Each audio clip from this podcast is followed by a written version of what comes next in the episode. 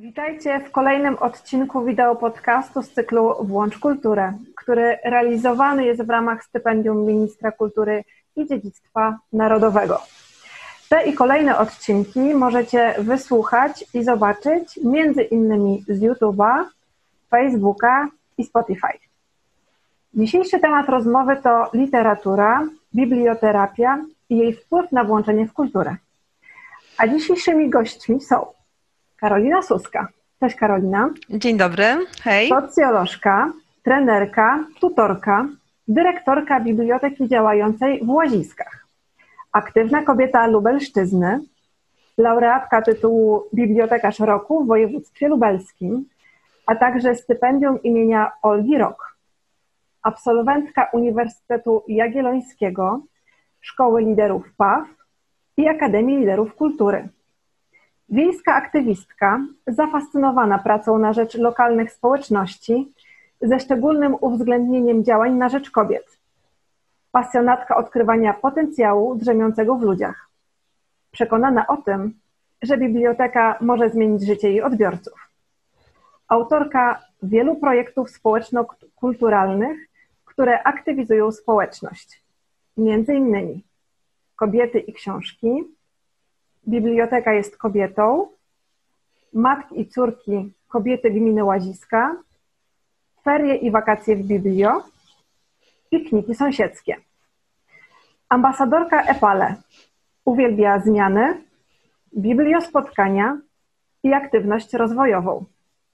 W wolnym czasie miłośniczka podróży i fotografii społecznej. No pięknie się Magda przygotowałaś. Dziękuję. I drugim gościem e, jest e, Jola Janiec. E, na co dzień jest dyrektorem Miejskiej Biblioteki Publicznej w Chrubieszowie, gdzie poza obowiązkami dyrektora zajmuje się działalnością animacyjną i edukacyjną placówki. Jest trenerem, bibliotekarzem, animatorem kultury i pedagogiem.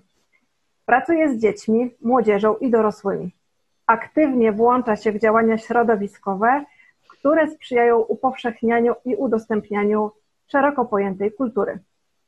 Posiada certyfikat w zakresie przygotowania do towarzyszenia seniorom w uczeniu się przez całe życie według Marii Montessori.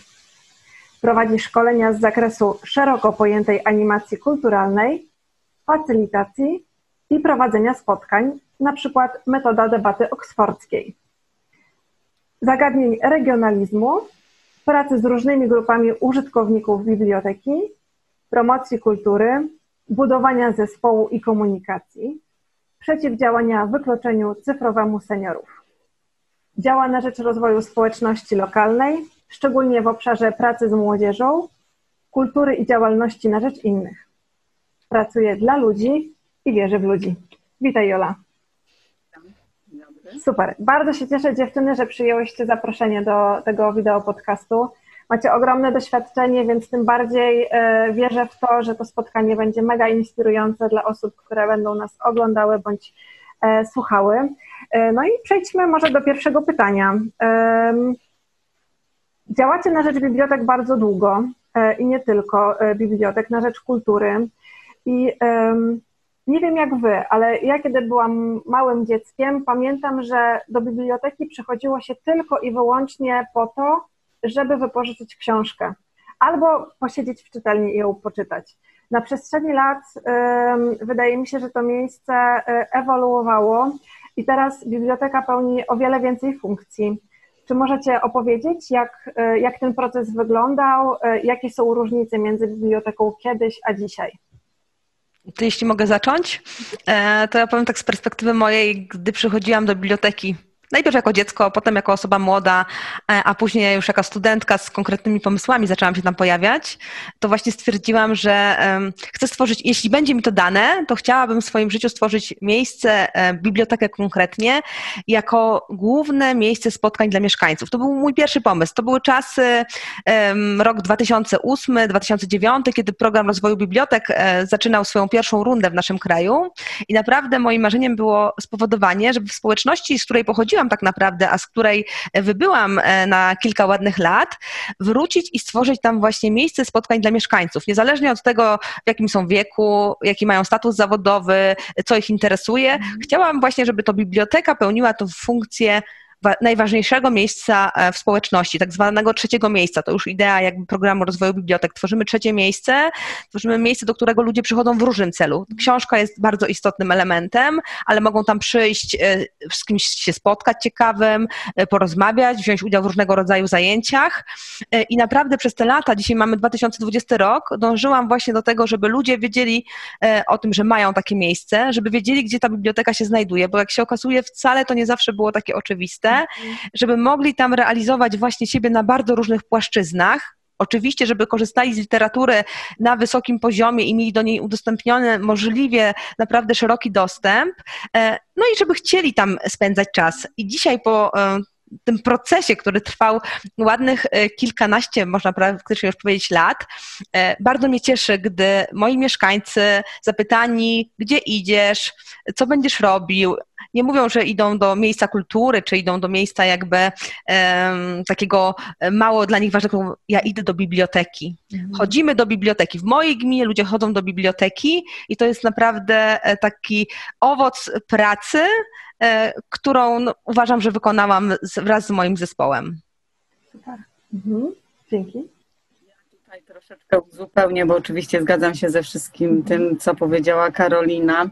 A ja um, ujęłabym to tak jakby w jednym zdaniu. Pożyczyłam jeden wers od y, pani Szymborskiej i e, ostatnio tak mi przyszło do głowy, że biblioteka e, to jest miejsce, które m, zmienia się tylko po to, żeby nic się nie zmieniło. Czyli zostają wszystkie konstytutywne, e, te, statutowe funkcje biblioteki E, ale oprócz wypożyczania ma być to miejsce, które odpowiada na potrzeby współczesnego świata.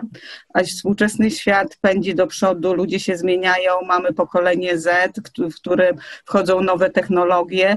Przede wszystkim ludzie potrzebują znowu miejsca realizacji, miejsca spotkań, miejsca, w którym będzie spotkanie człowieka z człowiekiem, e, człowieka z książką. E, I tak jak Karolina, ja jestem w programie rozwoju bibliotek od pierwszej rundy i dla mnie to naprawdę był strzał w dziesiątkę. Te biblioteki e, od dekady zmieniają się, stają się miejscem aktywności społecznej, miejscem aktywności mieszkańców, e, miejscem, gdzie można się realizować. Oczywiście u nas to jest troszeczkę większa skala niż u Karoliny, bo troszeczkę większe miasto, więc to nie jest tak, że 100% społeczeństwa korzysta z biblioteki, ale też wiemy o tym, że ta kultura małych liczb się sprawdza, że tutaj nie chodzi o to, żeby robić masowo i dla wszystkich, ale żeby robić e, wydarzenia e, czy przestrzenie do spotkań takie, które będą odpowiadać jednostkom i w którym e, te jednostki będą się rozwijać i wynosić coś z biblioteki. Także zawsze towarzyszy książka. Zresztą jest teraz taki trend, że bardzo często osoby, które przychodzą w zupełnie innym celu niż po książkę, niż po literaturę do biblioteki, za drugim, trzecim razem wychodzą z książką, więc to jest takie jakby sprzężenie zwrotne i to jest ta wartość dodana. Mhm. Tak jak mówicie o tych działaniach, tak jak też Jolu też powiedziałaś, że jakby statutowe zadania biblioteki się nie zmieniają, więc ta wartość literatury jest bardzo istotna też w działaniach dodatkowych, które e, realizujecie e, w bibliotekach. No jednym z takich działań jest wykorzystanie biblioterapii e, w pracy z różnymi grupami. I w związku z tym, że to też jest temat dzisiejszego spotkania, jakbyście mogły powiedzieć, czym jest ta biblioterapia, na czym polegają zajęcia, do kogo one są skierowane, czy osoba prowadząca powinna posiadać jakieś specjalne certyfikaty, kompetencje? Jakbyście mogły przedstawić ogólnie po prostu, czym jest ta biblioterapia? E, tak, e, tutaj w Twoim pytaniu, Magda, pojawiło się wiele wątków tak naprawdę związanych e, z biblioterapią, ale jakby zaczynając od początku, dla mnie osobiście biblioterapia jest to sposób na rozwiązywanie wielu problemów i trudności, z którymi może borykać się człowiek, niezależnie też od tego, w jakim jest wieku i w jakiej sytuacji życiowej. I wtedy my, jako osoby zajmujące się biblioterapią, możemy mu zaproponować poprzez wybrane, odpowiednio dobrane teksty literatury, właśnie spojrzenie trochę na ten problem, problem z różnej, z innej perspektywy, która ma służyć temu, że sytuacja jakby tej jednostki e, ulegnie poprawie. E, I biblioterapia, jakby też powiedzieć o niej krótko, to też forma rozwoju osobistego, z tego względu, że w poprawiamy jakby sytuację e, psychospołeczną, często, często osobistą, mhm. życiową e, osoby, która zmaga się z jakimś problemem e, w sposób przemyślany, w sposób dopasowany do problemu za pomocą właśnie tekstu literackiego, który jest odpowiednio dobrany. A tekstów literackich, poruszających różne problemy życiowe ludzi, no mamy ogrom. I tutaj ta selekcja jest bardzo istotna, żeby faktycznie dobrać taki tekst, który wiąże się z problemem, z którym ma e, jakby do czynienia dana, dana jednostka. Mam tu, mówię o jednostce, ale mam na myśli naprawdę dzieciaki, młodzież, osoby dorosłe, seniorzy, osoby w jakiejś traumie, osoby w żałobie, e, problemy natury emocjonalnej, osoby w chorobie, e, zmagające się z chorobą psychiczną i tego typu jakby problemy, które no, mogą dotknąć tak naprawdę każdego i naprawdę jeśli umiejętnie e, dobierzemy literaturę, e, którą tej osobie chcemy zaproponować i oczywiście przeprowadzimy ją przez proces e, biblioterapeutyczny, to nie jest na zasadzie, że damy komuś tekst, prawda, do przeczytania i powiemy teraz przeczytaj, to ci się zrobi lepiej. No tak, oczywiście będziemy go analizować, ale możemy to robić w sposób indywidualny albo grupowy, ale w sposób przemyślany. I jak padło pytanie a propos kompetencji, to uważam, że e, biblioterapeuta powinien być osobą e, empatyczną, osobą e, zorientowaną w kwestiach psychologicznych, w kwestiach społecznych, osobą, która poradzi sobie właśnie z trudnymi jakby pytaniami, z trudnymi sprawami, do z którymi przychodzi tak naprawdę ten nasz odbiorca, czytelnik, uczestnik warsztatów biblioterapeutycznych. Mhm. Temat jest bardzo szeroki i, i tych wątków jakby też biblioterapii e, można by e, tutaj poruszyć wiele, ale ważne jest to, że oprócz tego, tej analizy i e, tego tekstu, problemu i sytuacji, też wyciąganie wniosków w tym wszystkim powinno mieć dla nas duże znaczenie z perspektywy biblioterapeutycznej. Myślę, że Jola za chwilę to się też świetnie uzupełni, ale te wątki właśnie dla mnie główne to kwestia właśnie poradnictwa w rozwiązywaniu problemów, rozwoju osobistego e, i świadomego jakby wpływania na poprawę sytuacji jednostki. Mhm.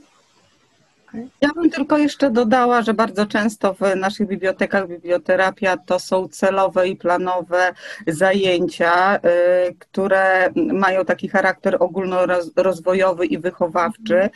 E, i adresowane są one do różnych grup i w zależności od tego, do jakiej grupy idziemy, to tam dobieramy środki. To nie jest według jednego scenariusza, że biblioterapia to zaczynamy od tekstu, analizujemy, wyciągamy wnioski i jest uzdrowiony człowiek, tylko tutaj e, w zależności od tego, do jakiej grupy idziemy i e, jakie wątki chcielibyśmy poruszyć, to dobieramy też tak jakby środki wyrazu, metody i techniki, które stosujemy, więc to jest tak jakby dużo więcej niż sam tekst, ale tekst zawsze jest podstawą i punktem wyjścia. E, tutaj e, najczęściej e, biblioterapię stosujemy tak jakby w pracy z ludźmi zdrowymi, którzy są w jakiejś trudnej sytuacji życiowej, borykają się z różnymi problemami, mają na przykład lęki, odrzucenie, izolację, e, są apatyczni i e, celem tych naszych zajęć jest to, żeby wywołać tak jakby pożądane zachowania, ewentualnie poprawić komuś nastrój, e, prowadzić w, wzmocnić poczucie własnej wartości, zobaczyć, że nie są sami z danym problemem, że tak tak naprawdę y, w kontekście y, losów innych ludzi, ewentualnie bajek, baśni i, i, i różnych historii, takie problemy da się rozwiązać i można z nich wyciągnąć jeszcze wartość. Biblioterapia, którą stosujemy, opiera się na wykorzystywaniu terapeutycznych wartości literatury i te wartości terapeutyczne staramy się tak jakby wpleść w normalną życiową opowieść i E, tak jakby pokazać, że mm, wartość jest w nas, siła jest w nas, e, że to my decydujemy i podejmujemy kroki zaradcze i działania, które po prostu potrafią nas wyprowadzić z danej sytuacji. Biblioterapia jest dla wszystkich. Podczas zajęć uwzględniamy potrzeby wszystkich uczestników, ale tak jak mówiłam, e, środki, e, jakie dobieramy, dostosowujemy do uczestników, do ich możliwości percepcyjnych, fizycznych, psychicznych itd. Tak dalej. E, I tutaj, jeżeli chodzi o biblioterapię, e, w bibliotece to zawsze jest charakter interdyscyplinarny i polega ona na współdziałaniu z baśnioterapią, e, z bajkoterapią, artreterapią. Wykorzystujemy też pedagogikę zabawy, dramę pedagogiczną i jeszcze inne różne środki. Ja bym też chciała mhm. dodać, że w takim e, jakby codziennym funkcjonowaniu, kiedy nie organizujemy zajęć, a kiedy dajemy e, naszym odbiorcom, naszym czytelnikom możliwość przyjścia i nawet często porozmawiania z bibliotekarzem, który znajdzie tą chwilę e, na to, żeby zwrócić uwagę, nie na zasadzie tylko wypożyczyć książkę, czy ją też odebrać, zrobić po prostu odbiór przy biurku i poświęcić tą chwilę właśnie naszemu odbiorcy, to oprócz tego, że zbuduje lepsze relacje jako na linii biblioteka-czytelnik, to bardzo często się właśnie E, mi zdarza spotykać z takim określeniem, że właśnie, a idę dzisiaj na biblioterapię żeby mnie pani Ania na przykład wysłuchała, albo jakaś pani Krysia, prawda, albo pani Małgosia. I to dla naszych odbiorców też jest bardzo ważne. Ta możliwość właśnie przyjścia e, i spotkania człowieka, który zechce wysłuchać. I my naprawdę czasami mam takie poczucie osobiście, nawet jako bibliotekarka również, e, no wysłucham wielu spraw, nie, nie na zasadzie eksperta, nie na zasadzie doradzania komukolwiek, ale sam fakt właśnie e, biblioteki jako miejsca, w którym mogę przyjść i podzielić się swoimi trudnościami, e, powoduje właśnie to, że ludzie chętniej przychodzą, a bardzo często po takiej rozmowie, jak bibliotekarka zachęci, mamy takie warsztaty, mamy takie spotkania, na których może pani przyjść i tam naprawdę staramy się zawsze przemycać albo pokazywać tą literaturę jako wątek najważniejszy, jako właśnie też sposób na radzenie sobie z różnymi tematami, bo jeśli ja z kimś rozmawiam, słucham go, jakby wiem, z czym ten człowiek przychodzi, co go nurtuje, to potem też właśnie celowo i świadomie dobieram na przykład e, mhm. książki, które oferuję e, podczas zajęć już takich stricte właśnie biblioterapeutycznych ale to takie, taka druga strona medalu, o której mówię, często nawet ten czytelnik nie jest świadomy, że, mm. że ta książka nie przypadkiem się znalazła na naszych zajęciach, tylko pamiętałam po prostu o tym, że e, ktoś się zmaga z takim, a nie innym problemem. Mm. Właśnie chciałam o to też... Mhm. Mogę jeszcze dodać, tutaj e, uzupełnić Karolinę, że właśnie e, biblioteka sama w sobie jest miejscem, które e, u ludzi bardzo często wywołuje pozytywny odbiór, pozytywne skojarzenia. I nie zawsze ta biblioterapia musi być procesem zaplanowanym i celowym, że czasami po prostu wystarczy, żeby ktoś czytelnika wysłuchał i tutaj my tego nie nazywamy biblioterapią, ale często już nie wiem, 10 lat temu z koleżanką śmiałyśmy się, że w naszej chwili to powinna jeszcze stać leżanka jako e, terapeuty, bo ludzie przychodzą ze wszystkimi swoimi problemami i czasami wystarczy im się po prostu wygadać i wychodzą uśmiechnięci. Mhm. Właśnie y, y, zaczęłyście mówić o takim wątku, o który właśnie chciałam zapytać, bo mówicie o tym, że y, często, czy ta biblioterapia też jest skierowana do osób z problemami psychicznymi, w jakimś kryzysie, w z jakimiś trudnościami i tak dalej. I tak się zastanowiłam, przyszło mi takie pytanie do głowy, jak zachęcić tych ludzi, żeby wzięli udział w takiej formie wsparcia, bo wyobrażam sobie, że bardzo często osoby z różnymi trudnościami po pierwsze, bardzo trudno im przed samym sobą się przyznać, że, że jest się w kryzysie, w jakiejś trudnej sytuacji, a do tego jeszcze pójść na e, spotkanie do biblioteki czy do jakiegokolwiek innego miejsca, żeby porozmawiać o tym z obcą osobą lub w gronie obcych osób, może być bardzo trudne. I właśnie chciałam zapytać, w jaki sposób e, zachęcacie, już trochę o tym powiedziałyście, ale może macie jeszcze coś do dodania, jak zapraszać osoby, mm, zachęcać do tego, żeby korzystały z tego wsparcia, które daje biblioteka? To ja powiem e, z mojej perspektywy, e, oswoić, nie przestraszyć. To jest jakby pierwszy krok, żeby nie właśnie nie spowodować, że taka osoba z dużym problemem od razu trafi na grupę i będziemy oczekiwali, że ona tam się może otworzy albo nam opowie o sobie. Ja tak e, nie pracuję. Ja zawsze, że tak powiem, staram się z tymi osobami, które mają największe problemy i przychodzą do biblioteki, nawiązać najpierw relację taką bliższą jeden na jeden, a nie na zasadzie właśnie grupy i potem dopiero pokazać możliwości, jakie daje biblioteka w zakresie właśnie prowadzenia e, biblioterapii. E, czyli naprawdę nawiązujemy relacje, poznajemy się, jesteśmy bezprze- bezpieczną przestrzenią, w której ja nie muszę przyjść właśnie na grupę i od razu o sobie opowiadać, bo najczęściej osobom, które mają różnego rodzaju kryzysy, jest bardzo trudno, nawet młodzieży tak naprawdę, która ma różne problemy, jest trudno przyjść i otworzyć się przed wszystkimi i o tym opowiadać. Mhm. Więc traktuję to bardzo procesowo. E, są to naprawdę, jest to metoda bardzo małych kroków i potem się okazuje, że te osoby właśnie przychodzą, one same decydują o tym, kiedy chcą dołączyć nie na zasadzie, że musisz już teraz, bo minęło trzy miesiące.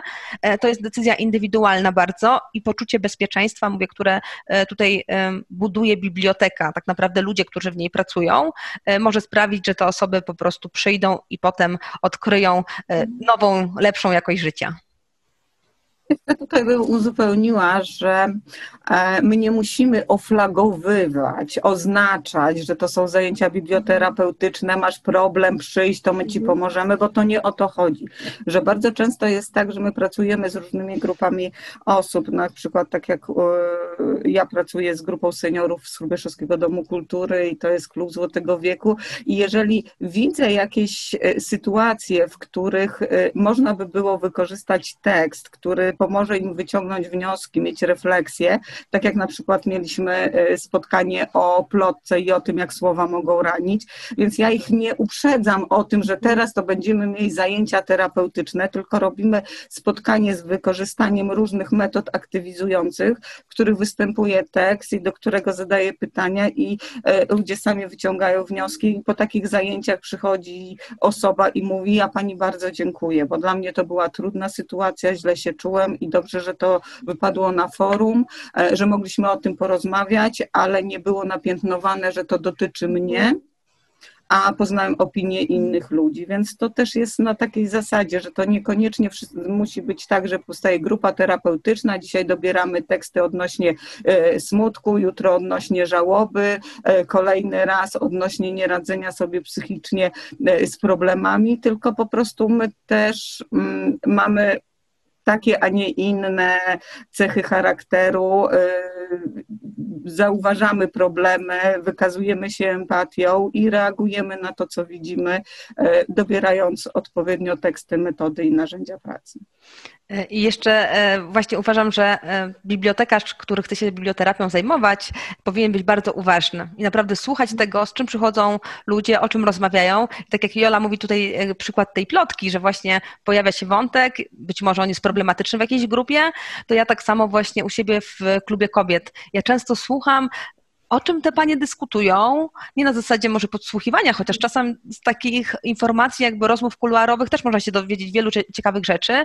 W każdym bądź razie później naprawdę w sposób przemyślany dobieram te tematy właśnie po to, żeby odpowiadać na przykład na problemy, jakie się pojawiają w poszczególnych grupach i właśnie nie piętnować, a pokazywać różne perspektywy. A książki też jako utwory literackie mogą nam tym naprawdę świetnie pomóc wtedy mamy tego bohatera jakby, e, że tak powiem, e, w cudzysłowie dużym z innej bajki, aczkolwiek często ta inna bajka się znajduje u nas e, w środku tego, co, czym się zajmujemy i warto właśnie z takich metod korzystać. Nie zamykałabym też tylko do książek, są po prostu teksty literackie. Ja na przykład y, bardzo często korzystam z legend, y, ewentualnie z metafor, które pokazują e, różną perspektywę i dla mnie to też jest tekst, na podstawie którego możemy pracować. Na przykład jak z młodzieżą robimy warsztaty, to ja ich nie zapraszam na zajęcia biblioterapeutyczne, tylko pracujemy rozwojowo, ale na przykład y, jeżeli robimy studium przypadków, to wtedy mogę sobie wykorzystać wykorzystać e, tekst literacki, ewentualnie mm, opowiadanie jakieś o sobie i odnośnie tego możemy przedyskutować pewne mhm. zachowania, postawy i, i wyciągnąć wnioski.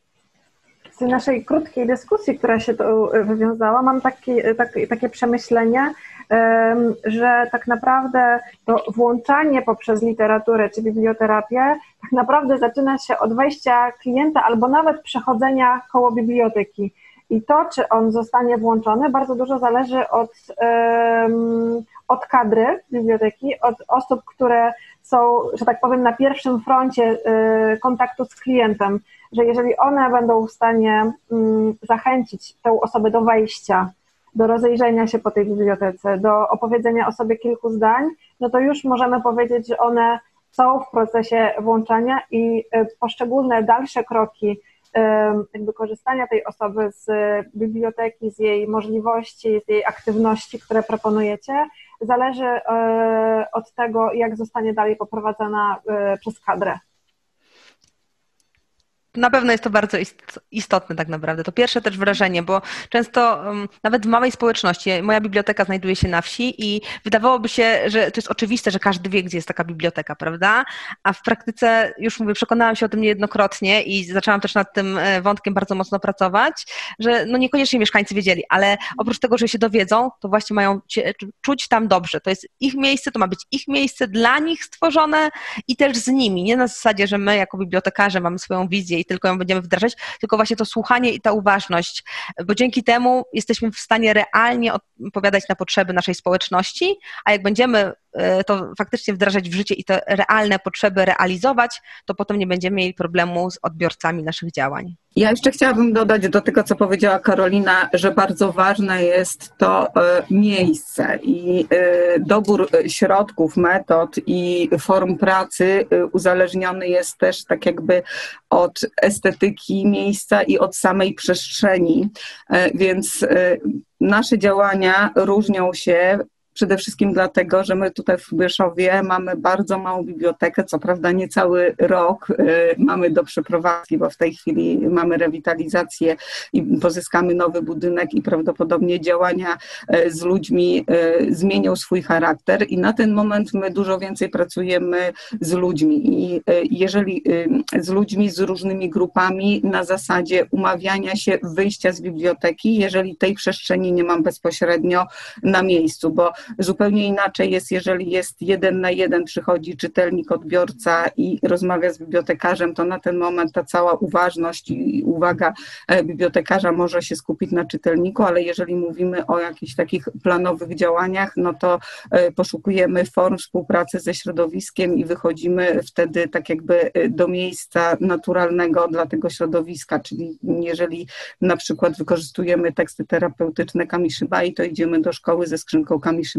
i tam e, moje koleżanki e, pracują z tym. Także bardzo ważne jest tak jakby wszystko, nie tylko sam tekst terapeutyczny, nie tylko nazwa biblioteki. E, musimy dostosowywać środki i metody do warunków, w jakich pracujemy. Także nawet najlepsze kompetencje i najbardziej wykształcona kadra nie da sobie rady w momencie, kiedy ja nie mogę całej grupy przyprowadzić do biblioteki i tutaj z nią pracować.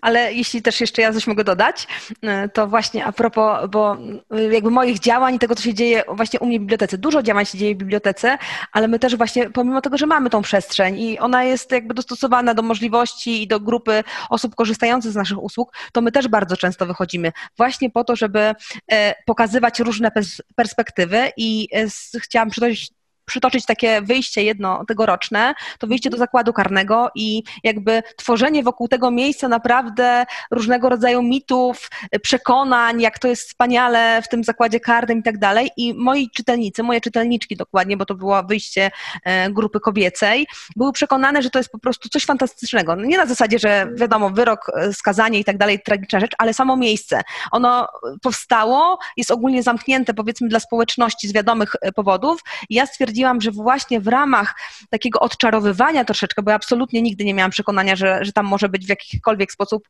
um, po, interesujące bycie, niezależnie od formy, w jakiej tam się znajdujemy, zorganizowałam coś takiego i naprawdę ten zakład karny okazał się bardzo otwartym miejscem wbrew pozorom e, i miałam okazję z grupą czytelniczek wybrać się właśnie i trochę to odczarować na zasadzie takiej, że faktycznie najpierw było przygotowanie przed wyjściem. Znalazłyśmy się w tym miejscu, e, przeszłyśmy przez bardzo trudną drogę osoby skazanej e, i no, wspomnienia zostaną na pewno w każdej e, osobie na bardzo długo. Potem miałyśmy spotkanie jeszcze w zakładzie karnym z, z paniami z działu edukacji, które opowiadały o pracy z osobą skazaną, bardzo trudnej rzeczy tak naprawdę. I jeszcze później miałyśmy spotkania dwa. Jedno po, zaraz po wyjściu z tego zakładu, żeby właśnie poradzić sobie też z emocjami i z tym, co człowiek zobaczył. I potem jeszcze za jakiś czas było kolejne, mhm. nawiązujące do tego, co żeśmy zobaczyły, bo ja wiedziałam, że jest to na tyle trudne miejsce, że nie można też zostawić tego naszego czytelnika, którego żeśmy tam zabrali jako biblioteka, e, do tego, żeby pozostał z tym wszystkim, co zostało w jego w głowie i w jego przemyśleniach, po prostu, żeby nie został z tym sam. Mhm. I powiem szczerze, że e, jakby rola edukacyjna, którą ja sobie mm, jakby założyłam, organizując to spotkanie, bo też były, że tak powiem, duże elementy zaskoczenia, ale gdzie do zakładu karnego? Bynajmniej wśród osób, które nie były, albo potem, a byliście w zakładzie karnym, a dlaczego ja albo e, ja nie wiedziałam, albo ja nie wiedziałem, prawda? I perspektywa jakby dotknięcia i właśnie poznania pewnych miejsc, które mamy w swoim zasięgu i zrobienie to poprzez bibliotekę daje nam ten element właśnie jeszcze dodatkowo e, obszego wymiaru edukacyjnego, też terapeutyczny, ponieważ świadomie zaplanowane, jakby zrealizowane tego typu spotkanie może spowodować też zmianę w myśleniu i postrzeganiu różnego rodzaju miejsc, które mamy. No, nie są to łatwe jakby e, tematy, nie są to łatwe miejsca, ale uważam, że właśnie jeżeli biblioteka e, bynajmniej u mnie tego nie zrobi w sposób świadomy, to ja nie widzę drugiej e, instytucji, organizacji, która by tego typu wątki podjęła. I naprawdę fakt, że część pań uczestniczyła, to jest jedno, ale jak ta informacja o tym, że to miejsce naprawdę nie jest w żaden sposób atrakcyjne i jest chyba jednym ze smutniejszych i strasz, straszniejszych, w których się może znaleźć człowiek, poszła też w nasz lokalny świat. Mhm i zmienialiśmy, to był, że tak powiem, wymiar był edukacyjny dla moich jakby uczestniczek, czytelniczek tak naprawdę, ale też był wymiar jakby informacyjny dla tego zakładu karnego bardzo szeroko e, rozprom rozpragowany, rozpromowany, przepraszam. E, w każdym bądź razie mm, no, ważne, trudne i potrzebne, tak bym powiedziała.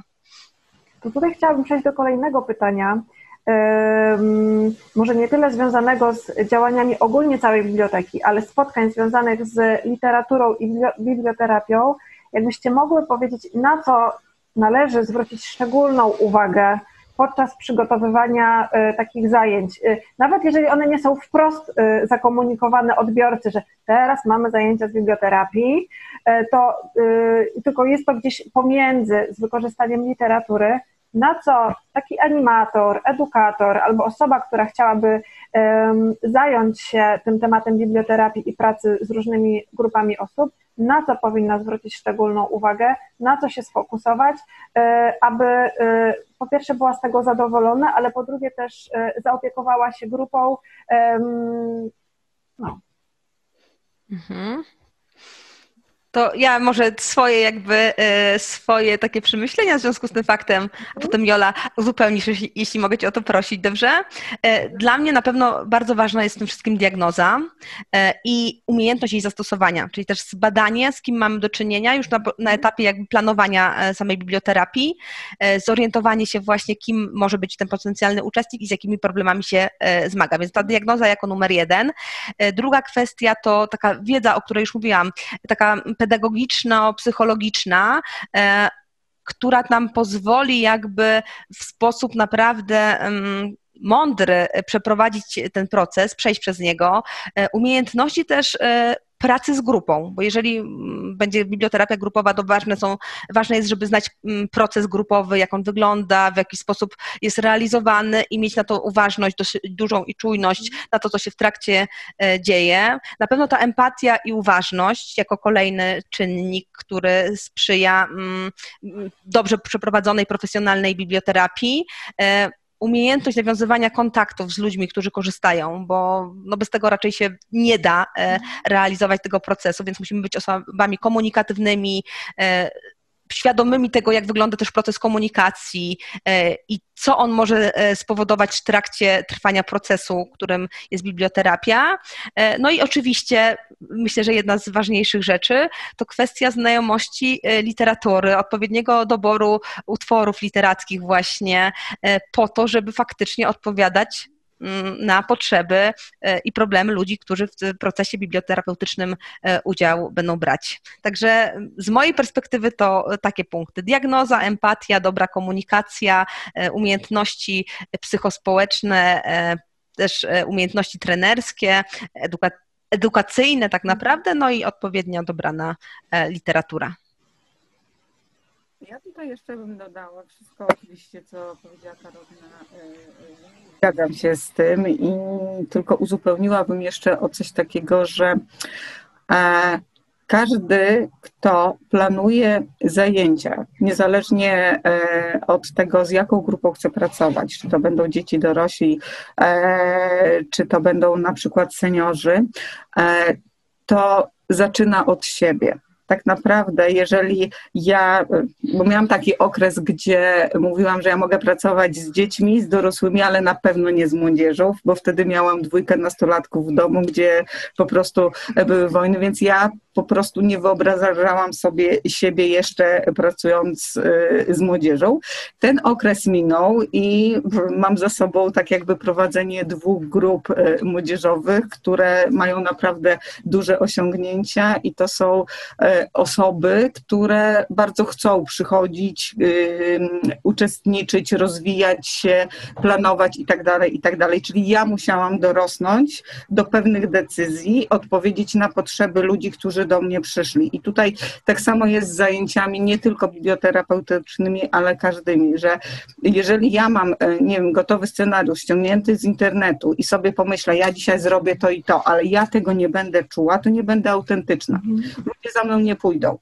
E, to nie jest tak, że to można sobie po prostu e, wziąć, skopiować, pójść przez 30 minut, zrealizować punkt po punkcie, nie, patrz, nie mając uważności na grupę, nie znając potrzeb tej grupy, nie e, rozumiejąc tak jakby prawdziwych e, problemów, z którymi ci ludzie się mierzą. Więc ja muszę być sobą tu i teraz. Ja muszę wiedzieć, że ja chcę to robić, ja muszę wiedzieć, że ja lubię tych ludzi, szanuję tych ludzi i że chcę być razem z nimi w procesie. I wtedy układam scenariusz y, w taki sposób, y, w jaki zdiagnozuję największe potrzeby. Czyli jeżeli na przykład idę do grupy seniorów, to ja wiem, że tej grupie potrzeba impulsu do tego, żeby mogli porozmawiać ze sobą, więc jest wyselekcjonowany tekst literacki, przy którym oni będą mieli refleksję. Ale ja też wiem, że to jest grupa, która ma na przykład już problemy z poruszaniem się, więc próbuję znaleźć takie e, ćwiczenia czy takie metody, które sprowokują ich do tego, żeby oni e, jakieś ćwiczenia ruchowe również zrobili, przy których się odprężą, przy których dobrze się będą bawili. Więc każdy scenariusz jest zbudowany w odpowiedzi na potrzeby grupy i na, na moje obserwacje, y, na tu i teraz i on raczej nie jest uniwersalny. Wiadomo, ja go mogę wrzucić do internetu i też korzystam z rzeczy. To nie jest tak, że każdy z materiałów czy każdy ze scenariuszy jest mój autorski, ale nawet jeżeli ja mam scenariusz, y, na którym chcę dzisiaj pracować, bo jest inspiracją dla mnie, to ja i tak zawsze filtruję go przez potrzeby grupy i przez swoje własne e, takie jakby możliwości i talenty, bo ja na przykład nie zastosuję muzykoterapii i piosenki w pracy z grupami, bo kompletnie nie mam ani głosu, ani słuchu.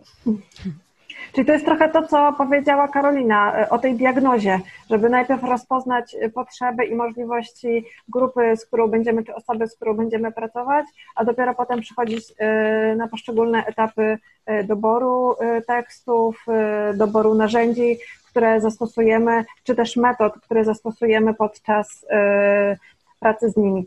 No i tutaj kolejne pytanie, bo metoda Montessori kojarzona jest głównie z dziećmi.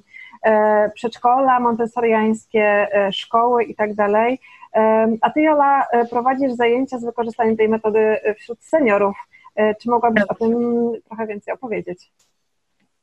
Opowiem, postaram się bardzo krótko, bo jestem fanką tej metody, więc mogłabym opowiadać, opowiadać i opowiadać. Generalnie, tak jak powiedziałaś, to jest metoda opracowana przez Marię Montessori dla dzieci, początkowo ze specjalnymi e, trudnościami, później tak jakby rozszerzona e, na e, proces edukacyjny w normalnej szkole.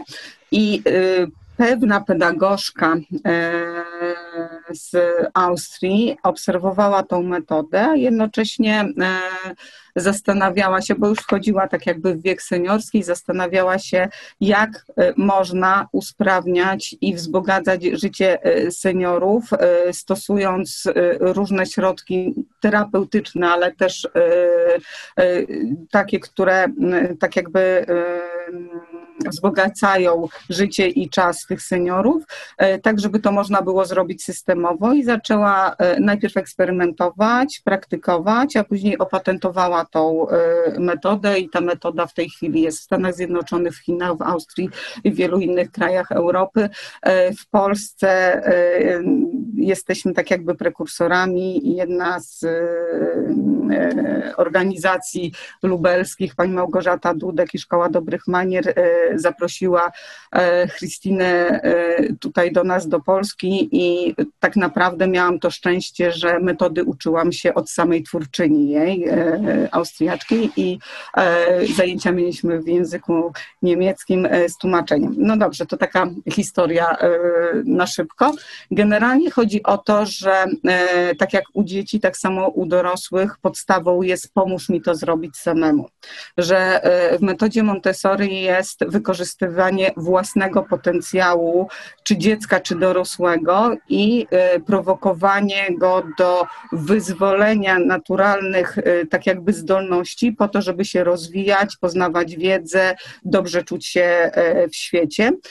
Ta metoda składa się z kilku faz i tak jakby roz, zawsze jest bardzo ważne, może tak po kolei, bardzo ważne jest otoczenie że e, realizując zajęcia, czy to dla dzieci, a właściwie dla seniorów, bo na tym się skupiamy, e, musimy przygotować przestrzeń. To musi być przestrzeń zamknięta, przyjazna, w której oni będą czuli się dobrze. To mm, e, oddzielnie stoją stoliki, oddzielnie stoją krzesełka, jest podłoga, na której wyklejona jest elipsa, po której będą ćwiczyć tak jakby poczucie równowagi i to jest czas, jeżeli planujemy dwie godziny zajęć, to jest czas, kiedy przez te dwie godziny do tej sali nikt nie wchodzi, nie ma obiadów, herbatek i różnych rzeczy. Ci ludzie są skupieni tak jakby na sobie i na tym procesie i rozpoczynamy od tak jakby od tematu. Zazwyczaj na środku, mm, gdzie siedzą ludzie, e, jest e, tak jakby mm, zaaranżowana przestrzeń. Powiedzmy sobie, że jeżeli to jest jesień, to w elipsie na środku stoją e, Kasztany. Y, dzbanki, które są pełne liści kasztanów, e, są cytaty, są obrazy, które gdzieś tam e, tak jakby wprowadzają w temat. Jeżeli mówimy o listach, to są skrzynki na listy, listonosz, stare koperty, kartki pocztowe i tak dalej. Jeżeli jest temat taki trochę metafizyczny, powiedzmy, że to są drzwi, to drzwi mogą być do umysłu, do przygody, może być furtka, e, która prowadzi do tajemniczego ogrodu, ale to też mogą być zwykłe prozaiczne drzwi wejściowe albo takie, które są w e, zabytkowym budynku i mają swoją historię. I wtedy tak jakby już od samego początku e, osoby są wprowadzane w temat i to one odwołują się do własnych wspomnień, do własnych wyobrażeń, do własnych doświadczeń e, i tak jakby zaczynają otwierać się i oswajać pewne rzeczy, pewne wspomnienia w przyjaznej atmosferze. Tutaj jeszcze bardzo ważne jest to, żeby mm, oddziaływać na wszystkie zmysły. Więc to jest y, po pierwsze wprowadzenie e, i stworzenie przyjaznej atmosfery, ale Montessori posługuje się też opatentowanymi, specjalnie przygotowanymi materiałami edukacyjnymi. I to są zawsze materiały pięknie estetycznie wykonane, w bardzo przyjaznych skrzyneczkach, e, kolorowe, takie, które z przyjemnością się dotyka, na które z przyjemnością się patrzy i każdy uczestnik wybiera sobie jeden taki materiał i go realizuje. I na przykład jeżeli mam 12 uczestników na sali, to tych materiałów mam 12 różnych, nie ma takich samych, bo w metodzie Montessori nie chodzi o to, żeby rywalizować i sprawdzać, kto zrobił szybciej. Tam w ogóle nie ma tak jakby konkurencyjności. E, chodzi o to, żeby mieć satysfakcję z czegoś, co się zrobiło samemu. Nawet jeżeli mi się nie uda na 100%, to każdy materiał Montessori ma tak jakby wbudowany w siebie sposób sprawdzenia błędu. To, dlatego też, e, tak jak mi przedstawiałaś, osoba towarzysząca seniorom w rozwoju, bo to nie jest ani pedagog, ani terapeuta, ani nauczyciel, to jest ktoś, kto towarzyszy, pomaga w momencie, kiedy y, senior o to poprosi, ale nie ingeruje w sposób odkrywania, e, jak rozwiązać y, problem, czy jak y, tak jakby mm, zrobić dane ćwiczenie. I tutaj jest satysfakcja, że ja to zrobiłem samemu Jeżeli nie mamy porównywania dwóch takich samych materiałów, to nawet czas realizacji e, jest indywidualny i tutaj nie ma tak jakby nacisku, że szybciej, że ja że nie porównuję się do innych, a Jasiek zrobił to w zupełnie innym tempie, a ja się pięć razy pomyliłam i tak dalej, i tak dalej, tylko każdy bierze tak jakby tą satysfakcję z wykonanej pracy dla siebie. I później jest taka chwila ciszy, refleksji, gdzie każdy zostaje sam ze sobą i w, tle płynie tak jakby muzyka biblioterapeutyczna. Jest też taka przestrzeń, gdzie jest aktywizacja, i tam zazwyczaj wymyśla się ćwiczenie, e, w którym prowokuje się ludzi do tego, żeby używali rąk, nóg, innych rzeczy. Pamiętam, że na jednych z zajęć e, z koleżanką zrobiłyśmy taką sieć, zwykła kłębek wełny, podawałyśmy sobie, e, nie wiem, z pytaniem, kto tak jak ja, na przykład lubi pomidory, ma troje wnuków i tak dalej, i później rozplątywałyśmy tą sieć. Była świetna zabawa. E, seniorzy naprawdę byli uśmiechnięci, ale dla mnie największą wartością e, w tym ćwiczeniu było to, że e, po nim podeszła pani i powiedziała: Ja mam problem z poruszania ręką, ja mam problem z tym, żeby się uczesać, a tutaj ja robiłam wszystko ze wszystkimi i sprawiło mi to przyjemność. Mhm. Więc to jest takie prowokowanie do rzeczy, których na co dzień odpuszczamy, bo są. To przekraczanie granic, prawda? Takie tak. popychanie towarzyszenia. Mhm.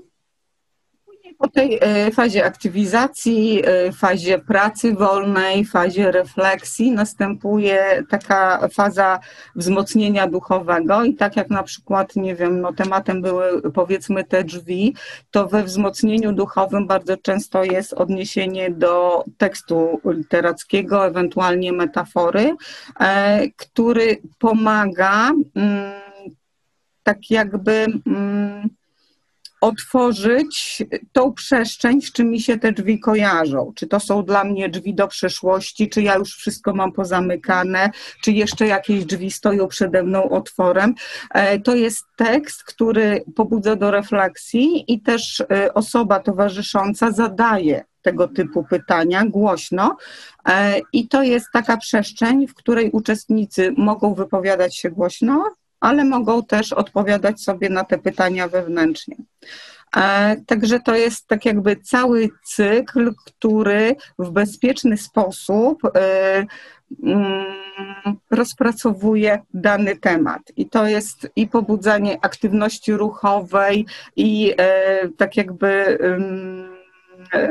myślenia, refleksji, ale też kontaktu z innymi. Y, bycia w, mm, w, jednej grupie, to nawet nie chodzi o integrację, ale o to, że to są ludzie w jednym wieku z podobnymi problemami i bardzo często spychani są tak jakby na margines życia, że oni już swoje przeżyli, a babcia to przypilnuje wnuków, a mamo to przyjedziesz, zrobisz i tak dalej. Zapominamy o tym, że ci ludzie mają marzenia, plany, dążenia, potrzeby i że jeżeli przebywają ze sobą w podobnej grupie, to uczą się i potem mają odwagę o tym głośno mówić i to realizować. E, tak, y, mam taką refleksję, że ta literatura, biblioterapia, biblioteka to nie jest katalog zamknięty. Mam wrażenie, że mogłybyśmy tutaj godzinami rozmawiać o, y, o metodach, o możliwościach, które kreujecie razem ze swoimi czytelnikami e, i też dla nich. Mając na względzie to, że są to podcasty dla osób, które mm, chcą wykorzystywać literaturę, biblioterapię, być może przestrzenie biblioteki do włączania osób wykluczonych w kulturę, e, czy macie wskazówki dla nich? Jakieś takie trzy tipy, które pomogą im zacząć bądź rozwijać się w tym obszarze, w tym temacie. Karolina, zaczęłabyś? Okej. Okay, um, mhm. Mówisz, że ma być trzy, tak? I tak sobie myślę, co, co wybrać, co mam. Może swojej... być pięć, dla ciebie co... może być pięć. Super. Um, więc tak, Przede wszystkim wrócę do tej diagnozy, o której już mówiłam. Zorientujmy się, kogo mamy w środowisku, w którym pracujemy, niezależnie, czy to będzie biblioteka na dzielnicy, czy to będzie biblioteka e, miejska stricte, czy biblioteka powiatowa, czy też będzie to biblioteka, która działa po prostu na wsi. Musimy znać społeczność lokalną i dzięki temu też zagłębiać się w ewentualne e, trudne sprawy, trudne sytuacje, wątki, które mogą tam e, się dziać. Często słyszymy, że na przykład dzielnicowy e, lokalnej policji mówi, że ma problem z młodzieżą w zakresie takim albo innym. Mm. Też współpracujmy z różnymi instytucjami i my dzięki temu, że usłyszymy też od kogoś, e, że mamy jakiś problem, że jakiś problem się pojawił, bo często ta osoba z problemem do nas bezpośrednio sama mhm. od razu nie przyjdzie, to możemy właśnie poprzez tą diagnozę i zdobywanie informacji o środowisku, w którym pracujemy, proponować i y, próbować realizować y, zajęcia. Więc to jest mhm. pierwsze. To przygotowanie też y, merytoryczne, jednak te kompetencje osoby empatycznej, edukatora, biblioterapeuty są niezbędne i może od tego bym nawet zaczęła. Więc najpierw kompetencje osobiste mhm. umożliwiające realizację biblioterapii, nawet mówię, niekoniecznie nazywanie tego biblioterapią, bo to może przestraszyć, więc e, to jest jakby wątek taki poboczny, ale kompetencje osobiste, diagnoza lokalna z mojej perspektywy właśnie Poznanie, e, uważność, otwartość, empatia nieustająca praca tak naprawdę nad tymi obszarami, e, pokazywanie tego, że biblioteka to miejsce bezpieczne, czyli zachęcanie dawanie przestrzeni, nie naciskanie na osoby, które mogą brać udział w naszych spotkaniach e, i jeszcze dodałabym do tego konsekwencje w działaniu. Jeżeli zaczniemy taki proces, to musimy go dokończyć. Musimy brać za to odpowiedzialność, żeby nasz uczestnik, nasz czytelnik nie miał poczucia, że został, zosta, zosta, rozgrzebał temat, który jest dla niego trudny, ktoś go po prostu zaczął, a go nie zakończył. Więc ta konsekwencja no i szukanie też, zdobywanie nowych kompetencji, szukanie nowych rozwiązań to nieustająco. Także takie e, ode mnie jakby rady, które wydają mi się z perspektywy, z doświadczeń przede wszystkim praktycznych, są najistotniejsze. Ja bym tutaj jeszcze e, dodała, że po pierwsze, e, nie trzeba cały czas wyważać otwartych drzwi i od początku na, szukać, jak stworzyć koło. E, że tak naprawdę jest mnóstwo inspiracji, mnóstwo dobrych praktyk i sposobów realizacji, e, które już stworzył ktoś inny, które można zaadoptować u siebie, ale nigdy jeden do jednego. To, że u kogoś się sprawdziło, e, niekoniecznie musi sprawdzić się u mnie. I tutaj to bym dołożyła do tego, co powiedziała Karolina, czyli najpierw musi być diagnoza, e, że nie wszystko, ale super, ale świetnie, tam wspaniale zrobili, rewelacyjny festiwal wyszedł i tutaj ja to samo zrobię u siebie. My mamy inne środowiska, my mamy innych odbiorców, my też musimy określić swoje własne cele, po co my to chcemy zrobić i tak jak powiedziała Karolina, nie zostawiamy w połowie. Czasami reagując na sytuację i widzę, że nie wiem, rozsiewają się plotki, zrobię jedną, powiedzmy, jedne zajęcia odnośnie plotek, ale jeżeli ja widzę problem głębszy, to wtedy planuję cykl zajęć, w których przygotowuję ludzi do tego, żeby oni ze sobą nauczyli się rozmawiać w bezpieczny sposób, żeby oni potrafili szanować zdanie innych. Kolejne zajęcia będą o tym, czy, czym jest słuchanie, czym jest słyszenie i tak dalej, i tak dalej. Więc wtedy ja planując, rozkładam sobie na cykl i wtedy zapraszam tych ludzi, którzy są w procesie. Więc tutaj wszystko jest uzależnione od tego, co ja chcę osiągnąć, z kim pracuję, jak dobrze znam grupę. I e, czy to jest coś, co chcę robić przez dłuższy okres czasu, czy to jest coś, co, co e, zrobię tylko raz, żeby na przykład sprawdzić, czy ta metoda działa. Mhm. Ja bym jeszcze e, też chciała dodać, jako taką dobrą wskazówkę, że pamiętajmy o tym, że biblioterapia jest procesem i jest to duży tort, którego nie zjemy na jeden raz. Musimy go podzielić odpowiednio, jeśli faktycznie ma ona przynieść wymierne efekty. Miałam to porównać do słonia, ale trochę szkoda słonia, żeby go na kawałki dzielić, dlatego stwierdziłam, że może lepiej podzielmy to na kawałki tortu, które też są zazwyczaj słodkie i się dobrze kojarzą. I właśnie takie budzenie też dobrych skojarzeń jest tym wszystkim bardzo istotne, żeby człowiek nie czuł się właśnie z tym problemem, w jakikolwiek sposób źle, że on się nim podzielił i będzie teraz miał traumę, będzie miał poczucie właśnie tego, że być może ktoś wyjdzie z tych zajęć e, i coś na ten temat powie. Więc to budowanie poczucia bezpieczeństwa i właśnie takie smakowanie tej biblioterapii podanej na kawałki myślę, że też jest bardzo istotne. No to bardzo Wam serdecznie dziękuję. Chyba nie ma lepszego zakończenia niż ten słodki tort yy, przy naszym nagraniu. Aż sobie go zwizualizowałam. Bardzo Ci dziękuję, Karolina. I pobiegnę pewnie do sklepu, żeby yy, kupić chociaż kawałek. Yy, pięknie Wam dziękuję za to bardzo inspirujące spotkanie. Myślę, że to, jak się podzieliłyście swoimi doświadczeniami, swoimi praktycznymi e, wskazówkami, bardzo pomoże e, osobom, które nas oglądają bądź będą słuchać. Oczywiście linki do działań, które realizujecie w swoich bibliotekach lub w innych miejscach, będą do ściągnięcia i do zobaczenia pod, pod, pod tym nagraniem. A całość odcinka tłumaczyły dla Państwa Marta Jaroń i Karolina Bocian.